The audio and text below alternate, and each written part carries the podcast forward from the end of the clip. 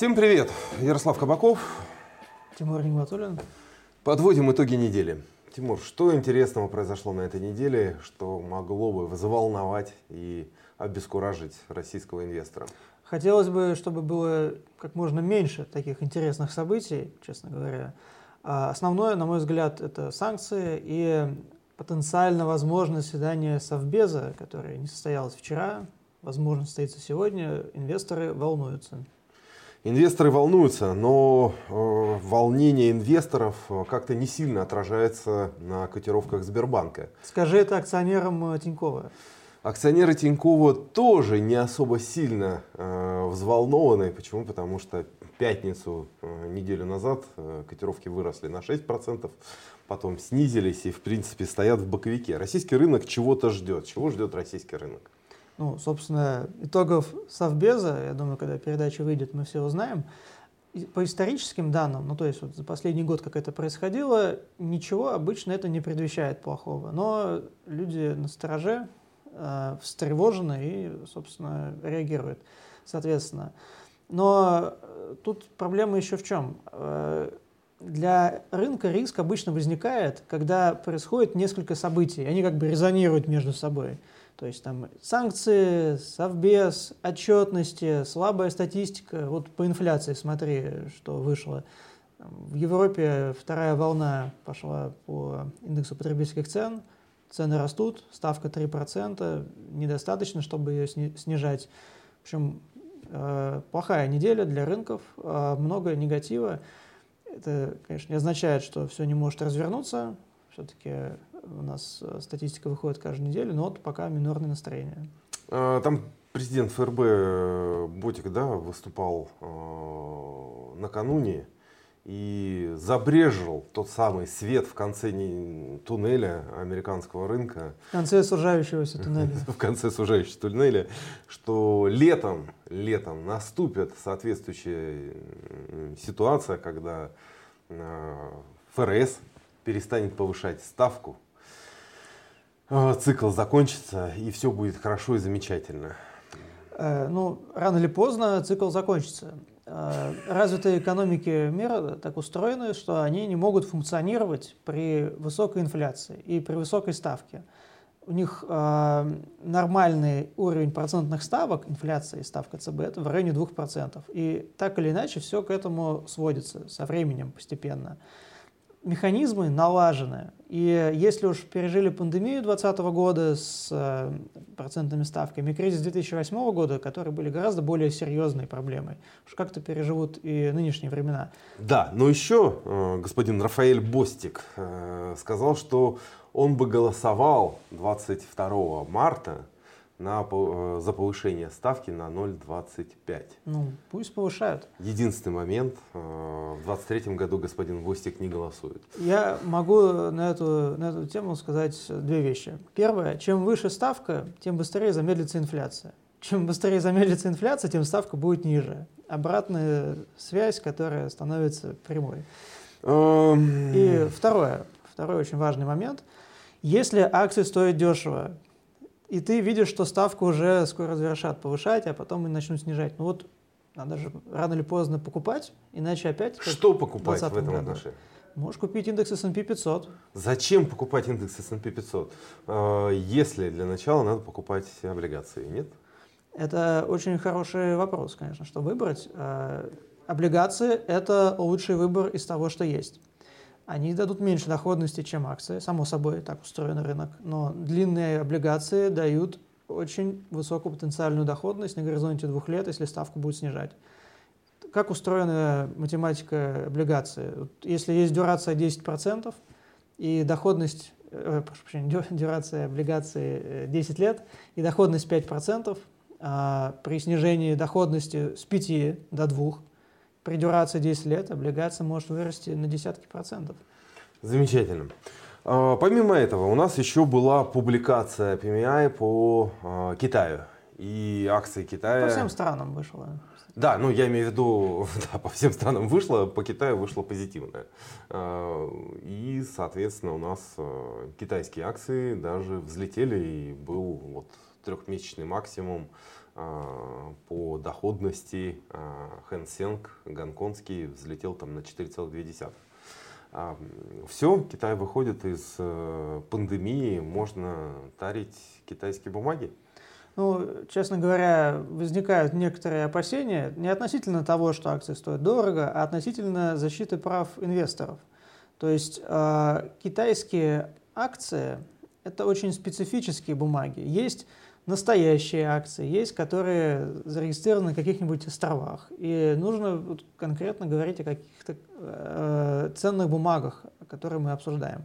Настоящие акции, которые э, являются обычной долевой ценной бумагой.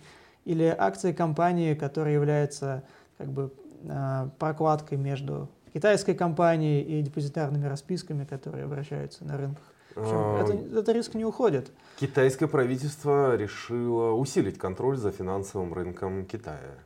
И на этом фоне ждешь каких-то... Э, а, есть э, очень плохие риски, связанные с регулированием рынка ценных бумаг в Китае. Есть риски, сохраняются, связанные с делистингом расписок с американских бирж.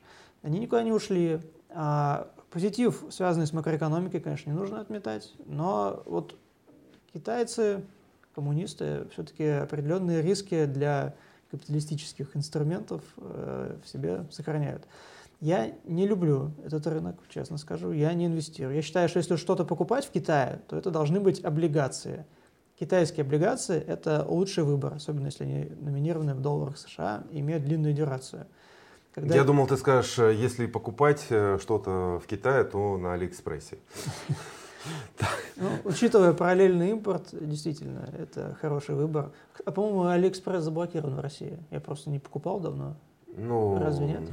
Нет, не заблокирован. А управляют, так скажем, российским Алиэкспрессом. А там можно оплатить э, на сайте. По-моему, какие-то проблемы, это позитив для Озона, собственно, был, что там проблема с э, бизнес-моделью, и поэтому Все Озон там позитивно и хорошо, там может быть необходимо заполнить э, небольшой пакет документов э, с точки зрения да, адресата, пошлины и так далее. Но рулит всем процессом на Алиэкспрессе российским э, товарищи из Mail.ru. Так что все там позитивно. Ну, спасибо им за это. А Mail.ru это у нас ВКонтакте. А, так что... Который тоже делает редомицеляцию. Редомицеляцию. Кстати, по редомицеляции. Вот ты упомянул Тиньков, и Тиньков нам сообщил о том, что решил э, переехать. Слушай, я тебе так скажу, я общаюсь с сотрудниками многих компаний, с менеджментом, и даже если это нет в публичной плоскости, многие компании заявляют, что готовятся к этому. То есть новости, хорошие расписки – это одна из последних идей, которая осталась на российском рынке, которая еще не выстрелила.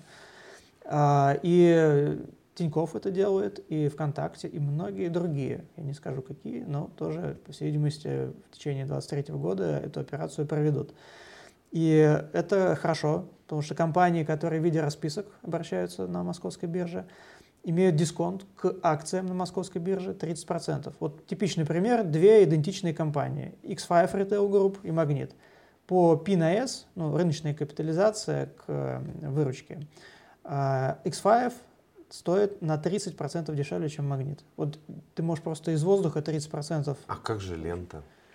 Лента — это все-таки не основной участник рынка, это несколько процентов доли рынка. Как все-таки, Тимур, ты поменялся за последние пять лет? Раньше ты любил ленту, когда я покрывал как аналитик. Лента, кстати, уже обращается в виде акций, так что это замечательная ценная бумага, прошла этот путь первый. Дальше. Э, есть две новости, которые относятся э, к нам, к Финаму. И надеюсь, ты их не пропустил. Первое. Наша управляющая компания подала документы на регистрацию ЗПИФа на майнинг. Э, Тимур, будешь покупать? На самом деле, кто только сейчас не делает эти ЗПИФы на майнинг, популярная тема. А компании привлекают капитал, строят вот эти майнинговые фермы, Э, где дешевое электричество, и, соответственно, дешевое электричество превращается в дорогие биткоины. Я не люблю криптовалюты, ну, я считаю, что это такой инструмент, который не генерирует денежные потоки. Это то есть не про инвестиции, а больше про спекуляции. Но как бизнес-модель, а, если биткоины кому-то нужны, их можно производить. Это стоит э, денег, это рентабельный бизнес, но рискованный, потому что биткоин может подешеветь. Тогда их кому-то продавать после производства будет сложно. В общем, на любителя, но любителей у нас много. Дело в том, что если посмотреть на динамику биткоина, там есть определенная зависимость от э, халфинга, э, то есть когда вот уменьшается вознаграждение за майнинг. А, я думал, когда цена уменьшается. Нет. И если посмотреть, то за, э, по-моему, там 30 месяцев до как раз уменьшения вознаграждения цена начинает снижаться. За 15 месяцев, вот у нас примерно 15 месяцев до а, этого замечательного события, цена биткоина начинает расти. Но посмотрим, оправдается ли эта зависимость э, в текущем моменте. И вторая новость. Вторая новость, э, надеюсь, ты ее тоже не пропустил. Финам, а, фонд Финсайт и э, посредник из Индии. Тоже не помню название. Не помню название, честно, а очень сложное название. Индийское. Арашика. Да, да, да, да. Что-то да, такое. Да. А, подписали соглашение, и в перспективе мы сможем иметь доступ на а, рынок Индии. А знаешь, оказалось, в чем проблема доступа к таким рынкам Бразилии, Индии и так далее? Проблема не в биржевых, э, не в биржевой инфраструктуре. Можно подключиться вот на раз-два. Проблема в валюте. Откуда ты возьмешь рупии? Рупии у нас даже на московской бирже скоро будут. Ну, скоро тогда и подключимся. То есть техническое ограничение, ты можешь в Бразилию прийти, открыть. Нет, по Индии там совершенно другие Проблема аспекты, там очень сложное законодательство, связанное с налогообложением доходов э, нерезидентов. Э, это первый момент. Фактически ты можешь легко завести средства на... Ты можешь получить лицензию даже. Получить лицензию, она не очень дорогая, даже как физическое лицо, по-моему, 300 долларов там стоит. А, завести туда денежные средства, вот, и потом их не вывести. А, поэтому, да, для того, чтобы... Какая хорошая реклама счета в Индии. Нет, именно если это будешь а, осуществлять э, действия напрямую. Вот. Если это опосредованный механизм с участием крупного агрегатора, который как раз предоставляет доступ э, институционалам, то в этом отношении, э, конечно же, риски э, резко снижаются. Но, насколько я знаю, э, наши планы в первую очередь сакцентированы на развитии фондов для квал-инвесторов по инвестированию. Я считаю, что Индия – это как бы будущее фондового рынка через 20 лет. В Индии будет больше населения, чем в Китае. Оно будет почти в два раза моложе, чем в Китае. Индия это демократия, там не будет такой истории с высокой вероятностью, как в Китае с этими образовательными компаниями и со многими другими аспектами. И Индия имеет такие более плотные связи, потому что там все знают английский язык. Есть, была раньше шутка, индийская техподдержка в США, когда ты звонила, тебе с индийским акцентом кто-то отвечал. То есть это перспективная страна с точки зрения инвестиций. Она меньше, чем Китай по размеру, если мне не изменяет память, раз в пять. Ну и там... Э, есть куда расти. Да, есть куда расти. Это знаешь, это как прийти в Китай э, в, в 95-м году. Я думаю, что аналогии с Китаем вообще здесь не присутствуют, учитывая в том числе, как у них происходил Но процесс... Только, только не в коммунистический Китай, я имею в виду просто с точки зрения потенциала роста. Даже потенциал роста. Ну, опять же, вот давай посмотрим, как проходили пандемию Китай и Индия. А, в Китае были э, локдауны, э, блокировки, а в Индии ты мог получить просто палкой по спине и, в принципе, счастливый пойти дальше в магазин. Ну, это так, но все-таки бедная страна в пять раз более бедная, чем Китай. Если бы там больше у них было ВВП на душу населения, то ограничения были бы схожие. Тут скорее речь про основ, основополагающие принципы инвестирования. Рост экономики, защита прав э, владельцев капитала. Замечательно. ну что же. Предлагаю перейти к обсуждению российского рынка и нашей стратегии по промышленному сектору. А, свежая стратегия опубликована буквально на днях. В ней много всего интересного. А, мы подключаем Наталью, нашего аналитика, который, собственно, эту стратегию создавал. Наталья, добрый день. Добрый день. Да, коллеги, здравствуйте. Рада вас видеть, слышать. Наталья, там в стратегии обычно очень много страниц, очень много текста. Если кратко, какие идеи в секторе у нас присутствуют? Ну, хочется прежде всего сказать, что промышленный сектор все-таки в текущих обстоятельствах, конечно, находится под давлением. Это как бы классические истории роста, которые сейчас в условиях снижения экономической активности испытывают сложности, но, как бы как и везде, всегда есть какие-то отдельные ключи и э, идеи, которые могут быть интересны. Если мы говорим о российском рынке, да, который в большей степени нас э, интересует, Э, то я считаю наиболее интересной идеей на текущий момент Global Trans.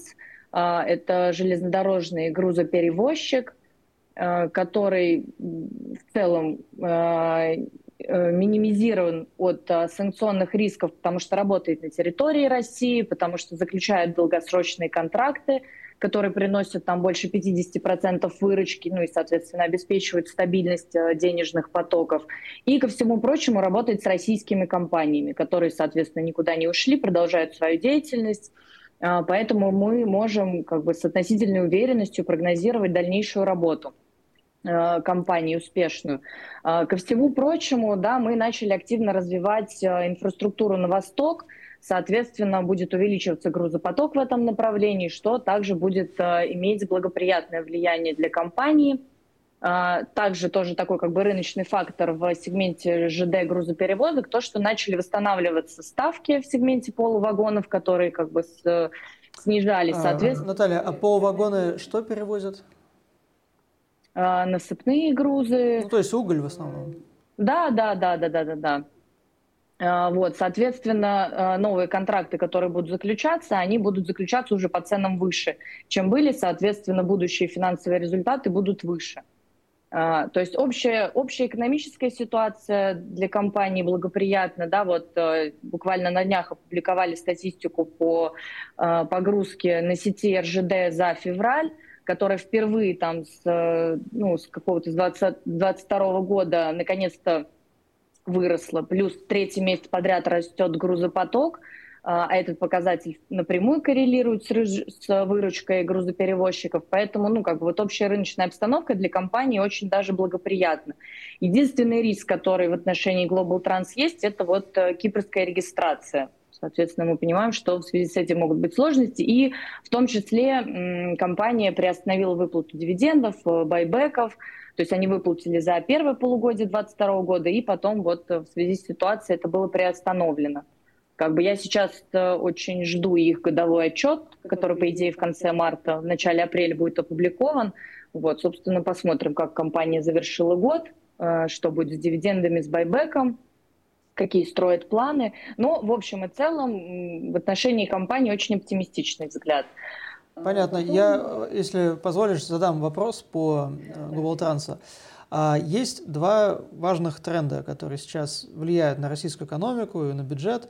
Это а. Санкции на нефть э, и на нефтепродукты. Соответственно, кто-то, наверное, может заработать на транспорте их, допустим, до Тихоокеанских портов. И второе э, – это э, все, что связано с военной операцией. То есть э, какие-то э, товары нужно перевести в большем объеме. Это влияет на Global Trans или нет? Является ли эта компания то, э, той инвестицией, которая, если, собственно, ее совершать, захеджирует портфель э, на случай вот, сохранения этих трендов? А, мне кажется, что Global Trans в данном случае э, ну, как бы в выгодном положении находится, потому что все, что касается транспортировки, сейчас для России очень э, сложно осуществляется. Да? Все мы знаем ситуацию в авиасекторе с самолетами. Соответственно, на ЖД сейчас перекладывается ну, много больше. Плюс точно так же и с судоходными компаниями тоже ряд сложностей. А, ну, как бы с ЖД ничего не происходит, поэтому все, что касается э, России, мы продолжаем работать. Плюс активно да, идет э, вот это вот э, расширение географии в сторону Востока, о чем раньше э, в меньшей степени задумывались. Ну, то есть вот эта вся ситуация, которая сейчас у нас происходит для Global Trans, это, ну, как бы, скорее драйверы для роста, нежели риски. Наталья, я на этой же неделе, да, участвовал, кстати, в конференции, и выступали товарищи от таможни и от э, перевозчиков. Говорят о том, что все хотят на восточный полигон поставлять э, грузы. Это первый момент. А второй момент. Говорят, что перевозчики договорились уже о тарифах, и в некоторой степени есть э, сговор на рынке, что повышают тарифы, повышают стоимость и будут... Тарифы все повышают. Газпром, порты повышают. Так что даже Headhunter тарифы повысил. Но самое интересное, самое интересное, вот если посмотреть на стоимость э, товаров, э, ну, в первую очередь, конечно, нефтепереработки и нефти э, на наших восточных портах э, по отношению к балтийским, э, там стоимость на 40% выше. Насколько я понимаю, там сложная логистика. То есть нефть туда идет по трубе, в СТО, потом уже из трубы приходит в порт, еще что-то доезжает в цистернах, то есть там очень Там идет, история. как только не идет, все готовы поставлять на восток, на восток и еще раз ну, В общем, восток. Э, я к тому, что 80 долларов, э, долларов за баррель это много, но и там через всю страну тянуть нитку, там на себестоимость уходит столько, что может даже это не очень выгодно. Наталья, мы услышали про Global Trans, ждем отчетности. Что с Совкомфлотом? А, по Совкомфлоту достаточно сложно что-то судить, потому что компания, в общем-то, отмалчивается, но перед э, там, выпуском облигаций они все-таки опубликовали краткую такую отчетность по финансовой деятельности, которая, в принципе, свидетельствует о том, что на самом-то деле дела у компании не так плохи, как могло бы это показаться, и как мы, в принципе, наблюдали динамику да, с момента IPO Совкомфлота, что все что-то как-то падало вниз. А, но отчетность осталась за 9 месяцев они опубликовали, то есть выросла и выручка, и прибыль, и э, в целом как будто бы все очень даже неплохо, но на данный момент на самом деле у меня это рекомендации на пересмотре, потому что мне хотелось увидеть ну, именно какую-то отчетность по МСФО полную, чтобы вот иметь, соответственно, какую-то полную картину для того, чтобы э, посчитать, какие целевые цены могут быть у компании, прогнозы и так далее. Поэтому вот не могу как-то сильно подробно говорить пока про Совкомфлот, но вот планирую в ближайшее время актуальный материал по компании выпустить. Я всегда спрашиваю аналитиков, какой дисконт в стоимость компании э, закладывают, если она не публикует отчетность. Вот, допустим, какая-нибудь условная Алроса или ну, Совкомфлот до публикации отчетности. Какой дисконт э, к аналогам с отчетностью разумно закладывать? 20%, 30%? Сколько это стоит не публиковать отчетность?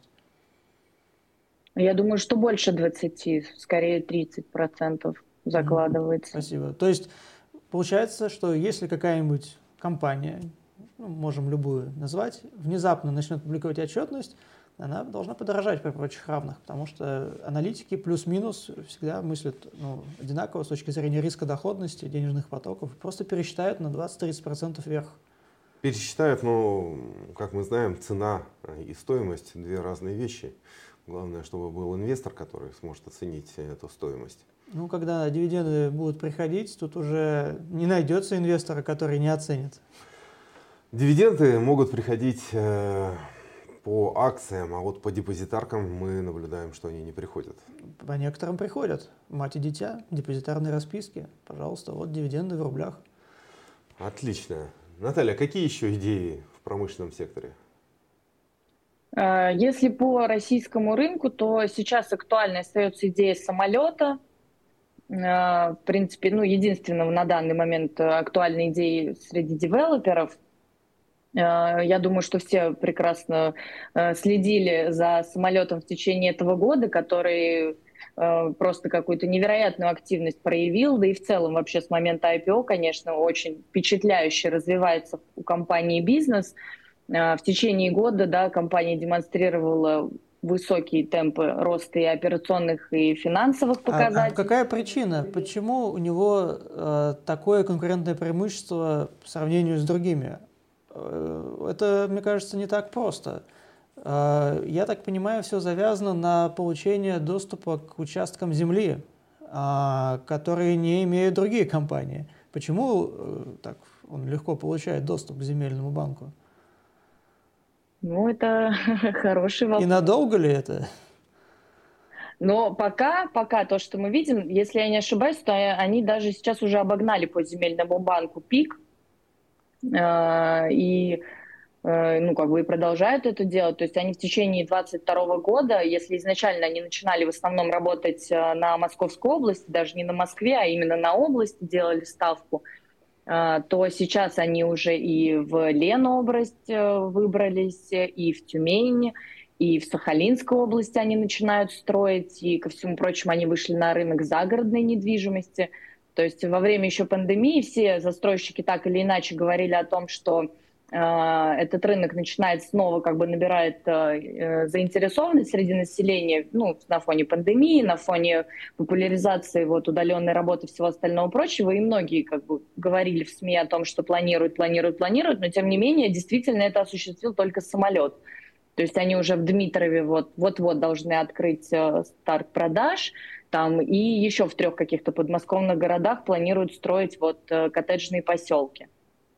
А, потом, а, то есть они снизили значительно свою зависимость от московского региона за счет вот этого вот выхода на, на другие рынки. А, очень активно у них развивается проптех, все вот эти вот их финтех-штуки, то есть они только там за третий квартал 2022 года запустили и цифровой банк, и паевые фонды закрытые, и развивает вот эту вот площадку «Самолет Плюс», которая по продаже, по аренде, по всему, по всему вот, и очень активно как бы она занимает долю рынка российского недвижимости. То есть там с самого начала, как они запустили, она там какие-то полтора процента занимала. Сейчас уже, если не ошибаюсь, процентов шесть всего российского рынка, и это там за существование платформы в течение, грубо говоря, года. То есть очень-очень-очень активно они выходят на рынок, плюс это доступные цены относительно э, Дивиденды они выплачивали, ко всему прочему, тоже единственные среди всех других девелоперов. И с высокой долей вероятности дивиденды будут хорошие и в 2023 году, потому что у них по дивидендной политике минимум в 5 миллиардов, и они плюс э, перенесли за 9 месяцев 2022 года тоже выплаты. Ну, то есть, соответственно, в 2023 как минимум будет 10 миллиардов выплачено. То есть они не платили дивиденды в 2022 году? Нет, они платили, но они выплатили первый транш, у них был за первый квартал, потом они выплатили по итогам 6 месяцев и должны были в декабре выплатить за 9 месяцев, но как бы решили перенести. А как они это объяснили? В связи с тем, что им нужны денежные средства. А... Ну, как бы, нет, это в целом, то есть в целом, конечно, это не, ну, как бы такой не позитивный для них шаг, то есть это свидетельствует о том, что они понимают, что так дальше расти они не смогут. Ну и, в принципе, это как бы очевидно в контексте самого рынка. Мы уже который месяц наблюдаем то, что активность в значительной мере снижается. Ну, цены уже потому что настолько высокие, что, ну, как бы дальше некуда расти, и нужен какой-то вот этот вот выплеск, какая-то коррекция для того, чтобы вновь возник баланс. А, и, ну, и тоже даже в контексте того, что они сами понимают то, что ситуация не может так же активно развиваться, они изначально давали прогнозы по вот EBD, допустим, что они в 2022 году 70 миллиардов заработают. Потом они этот прогноз снизили на 65, потом на 50. В итоге они заработали там что-то 49 с чем-то, что как бы в целом в любом случае очень неплохо, это где-то плюс 70% к 2021 году, но тем не менее темпы роста, они замедляются. Вот. Но как бы анализируя именно вот э, в сравнении с конкурентами, самолет действительно выглядит э, гораздо более устойчивым. Я хотел сказать, что вспомнил историю про компанию Maxima Telecom. Ну, она в Москве предоставляла доступ по Wi-Fi в вагонах метро. И они заняли денег через облигационные выпуски, по-моему, два выпуска было, и заплатили дивиденды акционерам. Ну, они были не публичной компанией, поэтому нужным акционерам заплатили. Вот. И всегда вызывает беспокойство, когда компания привлекает деньги через, э, э, допустим, облигационные выпуски и направляет на дивиденды. То есть де-факто это такой звоночек, один из красных флажков.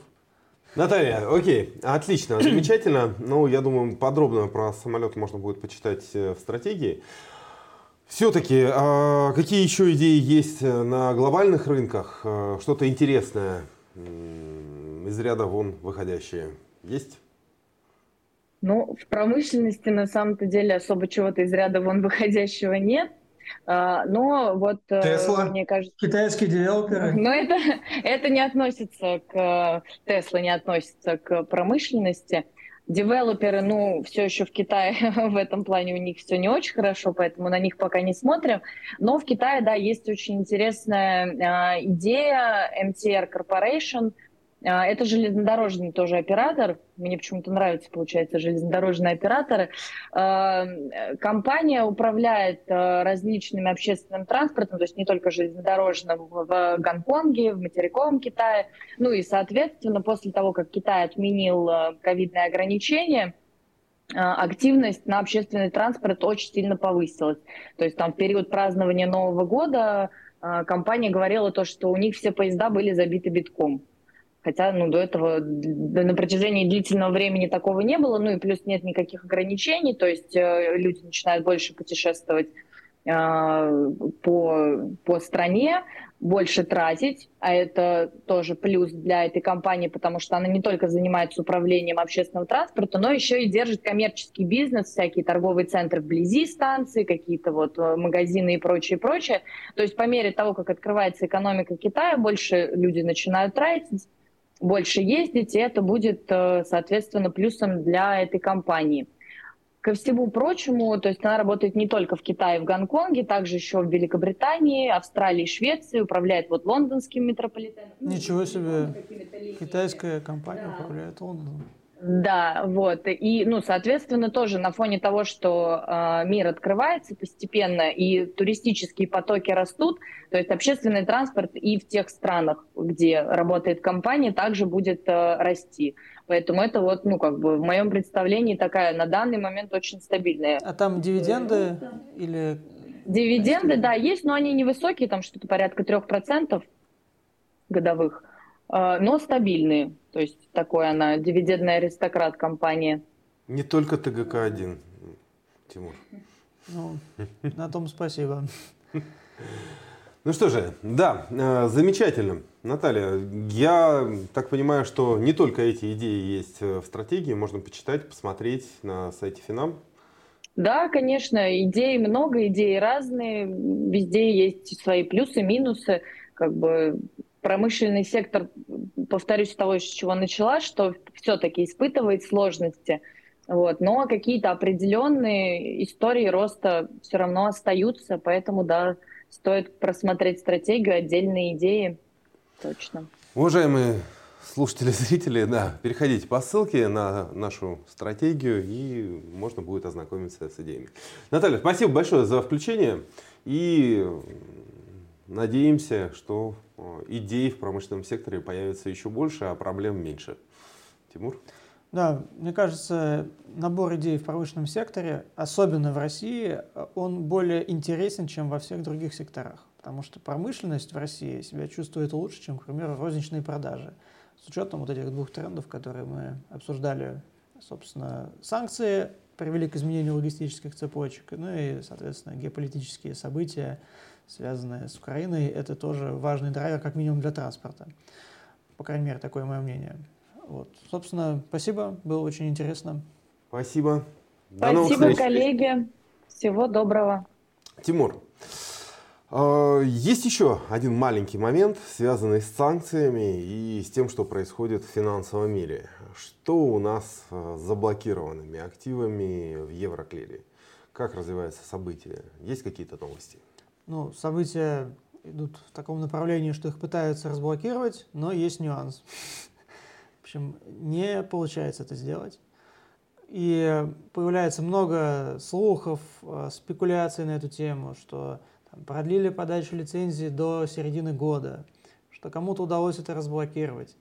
По моей информации, по информации наших коллег, во-первых, не продлили. Вот как давали лицензию до 7 января, так она и, собственно, осталась и в рамках ее какие-то добровольные документы предоставляют э, в Евроклер Clearstream. Последний отчет был, по-моему, 1 февраля, публиковал НРД, там какие-то запросил документы дополнительные у участников рынка.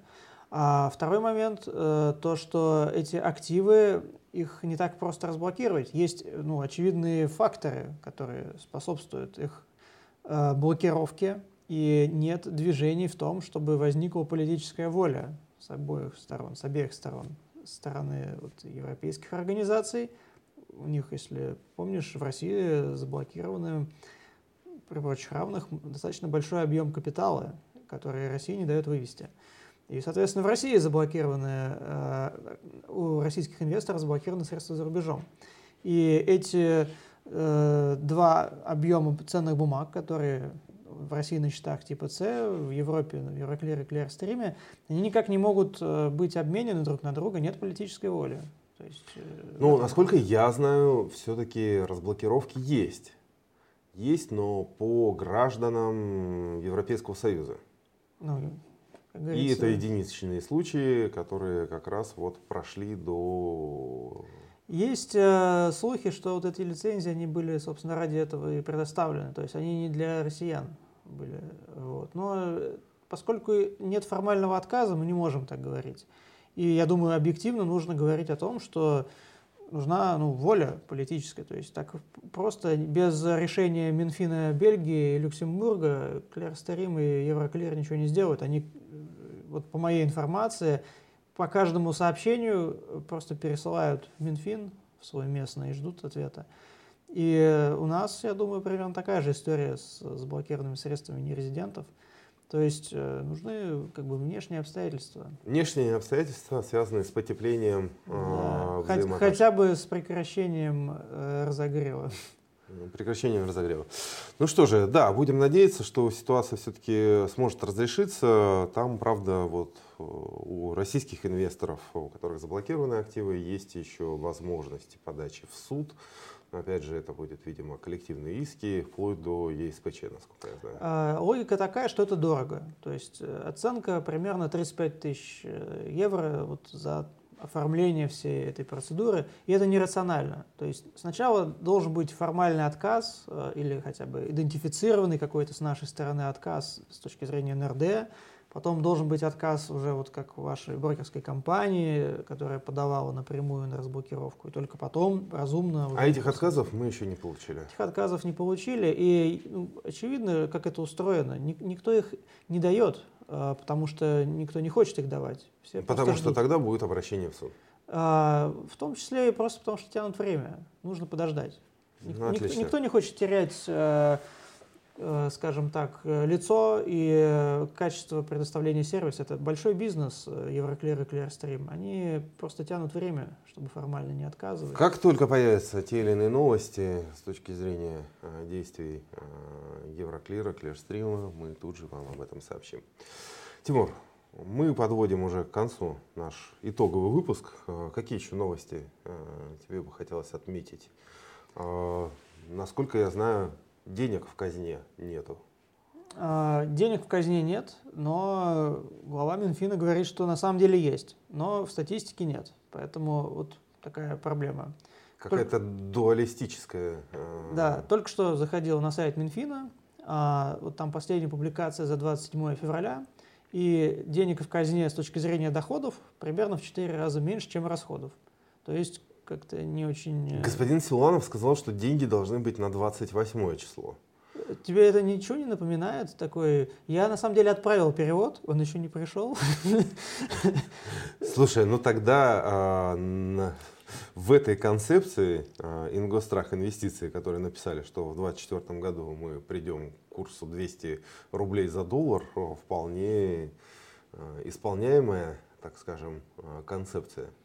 Ну, я не думаю, что это так работает. То есть есть ну, объективные риски. Вот э, в наши времена нужно смотреть по фактам. Вот есть статистика Минфина. Мы в эту статистику смотрим и видим, какие там доходы, какие расходы разница. Ну, видим же, фигу, я Откуда понял. берется разница? Вот, э, если они потратили в 4 раза больше, чем заработали, откуда они взяли эти деньги? Я тебе могу сказать, ты знаешь, какой сейчас теневой флот у России?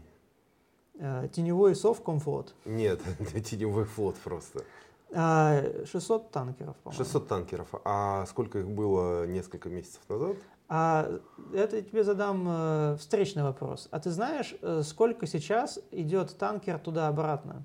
из России. Месяц? А еще не, за, не дошли назад те, которые в декабре ушли. Ну да. да то да. есть теневой флот все уплывает и уплывает. Э, то есть э, я так понимаю, что действительно есть множество проблем, связанных с потолком цен, с вот этими всеми санкциями, ограничениями, с длинным логистическим плечом по танкерам. Но э, мы, если судим по ну, фактам, по отчетности Минфина, там меньше денег в 4 раза заработали, чем потратили. А разницу ЦБ напечатал, потому что резервы заблокированы, и когда ты из Минфина, из ФНБ передаешь заблокированные резервы в Центральный банк, а Центральный банк тебе живые рубли, рублей становится больше. Вот как бы денежная масса плюс 26% год году. И вот вызывает беспокойство. Не уверен, что там тянет на прогноз Ингостраха 200 рублей за доллар, но вот если долго денежная масса будет расти на 26%, а, то в какой-то момент инфляция может тоже э, ускориться. Отлично. Тогда оставим этот вопрос нашему Минфину. Где деньги? Ну, а мы подводим итоги а, этой недели и а, завершаем наш итоговый выпуск. Тимур, спасибо, что пришел. Спасибо тебе. До новых встреч. До новых встреч.